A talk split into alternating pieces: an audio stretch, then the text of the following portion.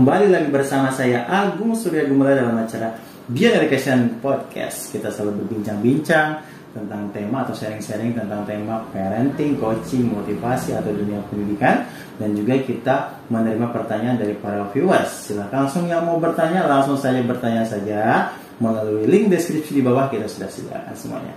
Ada link untuk bertanyanya, ada link untuk mengikuti grupnya WA dan Telegramnya dan ada juga link untuk membaca artikelnya. Silakan diakses gratis tanpa batas. dan juga kita tersedia di Spotify dan Apple Music atau Apple Podcast. Di searching saja dengan kata kunci Beyond Education Podcast, maka teman-teman semuanya akan menemukan kita di sana berupa voice-nya saja. Ya, baik. Siang hari bersama dengan Pak Doni. Halo teman-teman semuanya, gimana Bu? Masih melanjutkan dunia pendidikan ya Pak? Ya masih lanjut kita, kayak seru nih. Kayak seru nih kayak karena di dunia pendidikan ini kan kita sudah bahas kemarin ya Pak ya, bahwa Ya. pendidikan itu bukan hanya tentang sekolah, bukan hanya Hmm. tentang eh, universitas, mereka belajar nilai rapot gitu. Hmm. Ternyata banyak sisinya gitu, ada sisi Benar, benar, benar. potensi yang tidak tergali, ada Iya, potensi iya. yang apa nah. Menarik gitu, karena kan ada berhubungan dengan masa depan mungkin ya Pak ya di, iya. di- di dunia pendidikan ini. gitu. Hmm. Tapi kita tidak menyadari sejak di bangku sekolah. Benar, benar, benar. Gimana tuh Pak menurut Bapak? Ya kadang kita sebagai orang tua lupa gitu. Hmm. Anak ketika berada di bangku sekolah adalah start di mana anak itu sudah mulai merancang masa depannya, Bu. Karena kalau tidak, maka kita akan kesulitan gitu Hmm. memiliki anak-anak yang berprestasi di masa depannya. Nah, kebanyakan kan para orang tua ini baru khawatir tentang masa depan anak-anaknya. Hmm. Itu setelah lulus dari bangku sekolah. Ketika SMA. Ah, Dia mau kuliah di mana gitu kan. Uh, baru peta petir Iya. ya informasi. Kita kebingungan, Hmm. apalagi kalau anak ditanya cita-citanya mereka Belum belum, tahu gitu ya. apalagi mau misalnya memilih kuliah di mana. Iya. Nah, di sini kan akhirnya kita tidak belajar gitu dari kesalahan kita di masa lalu yang mungkin kita juga sebagai orang tua Hmm. dulu itu tidak pernah berusaha merancang masa depan kita dari bangku sekolah. Iya sih karena dulu itu kan nggak pernah diajarin ya perasaan Agung apa ya. Bukan perasaan Tapi emang bener ya. Gitu. Perasaan dari SD itu ya kita aja sekolah aja gitu. Bener, Maksudnya ya nggak nggak ditanya cita-cita kamu jadi apa terus kamu harus gini gini. Oh, enggak sih. Enggak, itu juga di zaman saya apalagi. Oh. Misalnya gini deh, Ya. seharusnya kan kalau misalnya kita sebagai anak sekolah gitu ya, Mhm. disuruh masuk ke ruang BP misalnya. Iya. Kebanyakan kita kalau dipanggil ke ruang BP itu dikarenakan apa sih? Biasanya sih masalah Bikin masalah kan? wajar pagar. Nah itu loncat pagar, sering bolos, Iya iya. ya mengenai seputaran kenakalan remaja lah. Betul. Nah, pernah nggak kita diberikan yang benar-benar yang namanya penyuluhan agar masa depan kita itu lebih baik misalnya? Penyuluhannya sih lebih ke informasi ya kayak penyuluhan narkoba gitu-gitu sih. Iya, Kayak yang kadang nggak ada hubungannya gitu, sama cita-cita kita, sama masa depan kita. Iya benar betul begitu. Nah, seharusnya itu peran mereka gitu. Hmm. Tetapi kenapa kalau kita dipanggil ke ruang BP, kita hanya bisanya diomelin misalnya, dinasehati gitu.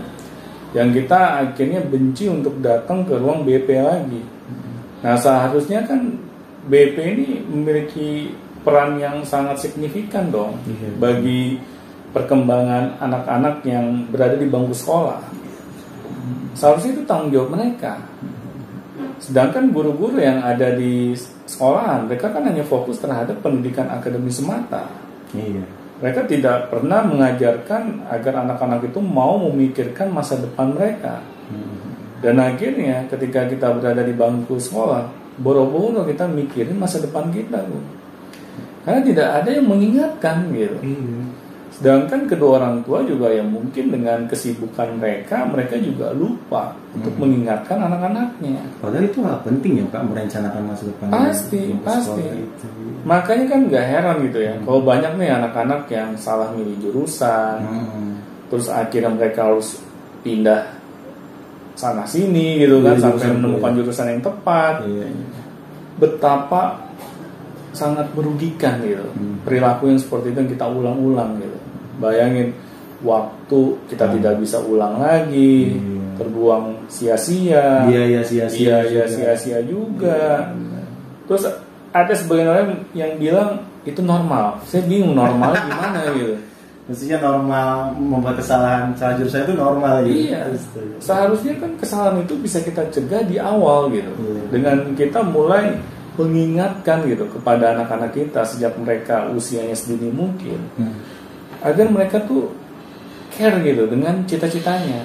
Mereka kita rangsang untuk memiliki cita-cita.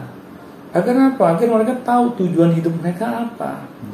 Ya bayangin deh kayak kita mau keluar rumah aja, nggak tahu tujuannya bagaimana coba. Iya, luntang lantung gitu ya. Luntang lantung yang ada. tahu gitu kan. Ah, lah ini masa depan kita, kita tidak tahu mau ke mana. Kan parah banget gitu. Kacau sih. Nah di sini kan makanya saya selalu menghimbau gitu ya Hmm. pada para orang tua, ayo kita mulai peduli gitu, mulai bantu anak-anak kita untuk merancang masa depan mereka, bukan masa depan maunya kita gitu. Kita ajak anak-anak untuk berpikir, Hmm. perkenalkan dengan berbagai ragam macam profesi yang ada, Hmm. agar mereka tahu, oh ternyata di kehidupan kita di masa depan kita harus memilih misalnya Hmm.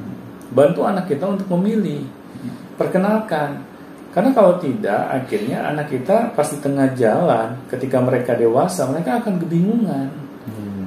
mereka mau melangkahkan kakinya ke mana Hmm. Apa yang mereka sukai? apa yang mereka sukai Apa yang mereka ingin benar Bung. gitu. Bingung. karena ya? mumpung di bangku sekolah ini Iya, benar, kan benar. tanggung jawab kita belum begitu besar Hmm. Beda ketika kita dewasa kelak gitu ya kita misalnya sudah berumah tangga Hmm. banyak hal yang harus kita pikirkan kita harus mencari nafkah misalnya Hmm.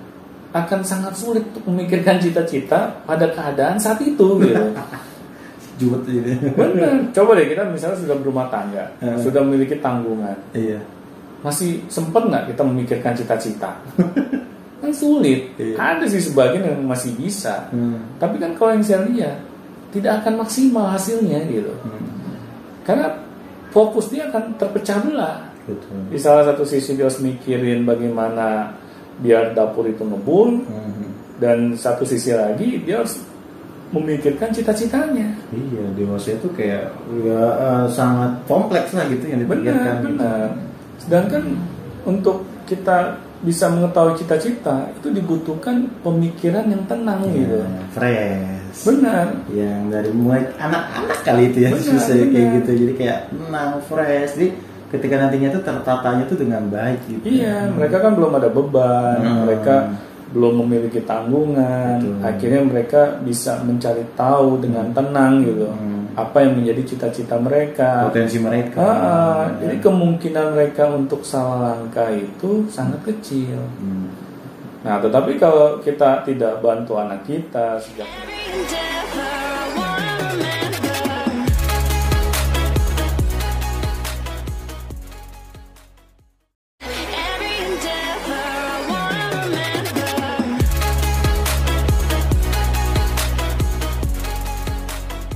kecil kita biarkan saja. Hmm. Nah, ini menjadi masalahnya, Bung. Iya.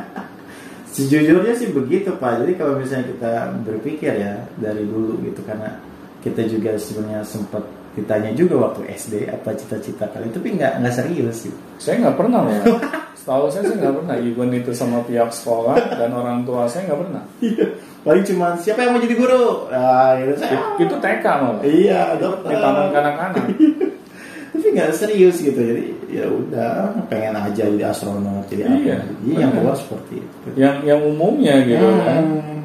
Nah ini kan yang akhirnya menjadi hambatan gitu Benar. bagi anak-anak kita untuk meraih masa depan terbaik mereka. Nah seharusnya kan kita sebagai orang tua itu belajar dong. Hmm. Masa sih kita tidak ingin memiliki anak yang masa depannya itu lebih baik dibandingkan orang tuanya. Kita kan inginnya anak-anak kita itu lebih memiliki prestasi gitu Iya. dibandingkan orang tuanya Hmm. itulah orang tua yang bijak gitu menginginkan anak-anaknya itu lebih baik dibandingkan diri mereka Lebih hancur. bukan lebih terpuruk gitu. Orang sukses itu lebih panas gitu. Nah itu kan ngaco banget loh, itu punya pola pikir yang seperti itu kan. Nah jadi ya di sini Bung bahwa pentingnya kita sebagai orang tua Hmm. Untuk membantu anak-anak kita dalam merancang masa depan mereka itu sejak di bangku sekolah. Sedini mungkin anak-anak kita memikirkannya itu lebih baik lagi. Kan saya sering nanya gitu ya Hmm. pada anak-anak didik saya. Nah, kamu pengen sukses di waktu muda apa di waktu tua? Hmm. Hmm. Saya tanya seperti itu mayoritas kebanyakan jawabannya Muda. pasti di waktu muda. Ya betul. Kenapa di waktu muda Hmm. enaknya jadi orang sukses? Banyak hal yang bisa kita coba gitu, karena secara fisik kita masih kuat, Hmm. kita nggak sakit-sakitan gitu, malahan kita bisa menunjukkan ke orang tua kita, kita dalam waktu yang masih muda ini kita bisa sukses, orang tua juga bisa bahagia gitu, masih bisa menjadi saksi hidup gitu. Tetapi kalau kita sukses di waktu tua, ya mungkin orang tua kita tuh sudah meninggalkan kita duluan gitu Betul. Boro-boro mereka bisa melihat kita sukses gitu kan betapa mirisnya gitu kita sebagai anak tidak bisa bukan kita ingin menyombongkan diri ya Iya. tapi kita ingin menunjukkan lah. gitu. menunjukkan Hmm. gitu kepada orang tua kita bahwa perjuangan mereka selama ini nggak sia-sia gitu Hmm. membesarkan anak yang bisa sukses, yang bisa bermanfaat bagi sesama, yang bisa membahagiakan mereka. Yang pas saya kemarin tuh nonton Piala Dunia ya, yang Iya. atlet dari Maroko tuh, Iya, iya. si Hakimi, Hakimi. ah yang dari PSG. Hmm. Bayangin, dia ini nggak memiliki orang tua yang kaya raya gitu. Orang tua yang bisa dibilang dari golongan menengah bawah, ibunya seorang pembantu rumah tangga, bapaknya seorang penjual kaki lima. Tetapi melihat anaknya bisa berprestasi ketika mereka hidup gitu, itu betapa bahagianya gitu. Sampai apa namanya? Sampai Hakimi mencium ibunya, merayakan kemenangan Maroko gitu kan. Itu kan siapa coba ibu yang nggak bahagia? Iya, jarang ya. Ya nah itu yang saya inginkan perasaan-perasaan seorang ibu yang seperti itu gitu yang saya inginkan kita nih sebagai orang tua ikut merasakan juga. Nah tetapi pas saya baca perjuangannya Hakimi itu Hmm. itu Enggak mudah. nggak mudah sejak sejak dia kecil gitu sejak usia sedini mungkin bayangin 8 tahun. Habis ya? Udah langsung main bola. Iya Oh, dia sudah diantarkan sama bapaknya itu untuk masuk ke sekolah bola dan bapak dan bapaknya Hakimi itu harus bolak balik kalau dihitung ya 100 kilo Oh, iya. pulang pergi Hmm. Dia harus nganterin anaknya itu ke sekolah bola kalau nggak salah sekolah bola Real Madrid Hmm. nah di sini kan berarti ya luar biasa tuh Hmm. orang tuanya dengan ini ya mohon maaf ya Hmm. dia meskipun golongan menengah ke bawah Bawah betul. tetapi dia sudah memikirkan masa depan anaknya Sejak 8 tahun tuh Pak. sejak 8 tahun. Satu SD berarti. Nah tuh pas kemarin tuh saya secara nggak sengaja ya lihat di internet, terus si bapaknya ngasih resep. Hmm. Kalau kamu ingin anak kamu sukses seperti anak saya, berkorbanlah untuk anak kamu. Hmm. Sejak usia anak kamu tuh masih kecil. Nah di situ aja saya tersenyum gitu. Hmm. Berarti kan di balik anak yang sukses ada orang tua yang sukses dalam mendidik anak. Nggak mungkin sebaliknya, anak tiba-tiba sukses tanpa peran orang tua. Peran siapa lagi sih bingung gitu kan? Menyerahkan kepada sekolah. Ini ini loh saksi hidup gitu. Orang Iya. tua Kimi sendiri yang ngomong gitu bahwa dialah yang berusaha gitu ikut membantu anak-anaknya mencapai impiannya gitu. Nah ini juga yang harus kita lakukan sebagai orang tua. Jangan sampai nih kita ingin anak kita sukses di waktu mereka muda, tetapi kita tidak pernah berupaya untuk mewujudkan itu. Kita hanya membiarkan aja anak-anak kita Hmm. Menjalani kehidupannya ya apa adanya. Ya berharap ada keajaiban yang muncul. Nah itu nggak mungkin ada keajaiban kita masih hidup di dunia gitu kan. Ya tahu-tahu tiba-tiba kesenggol Lamborghini Terus dia dikasih Lamborghini-nya Harus dilamar gitu sama yang punya Lamborghini gitu ya.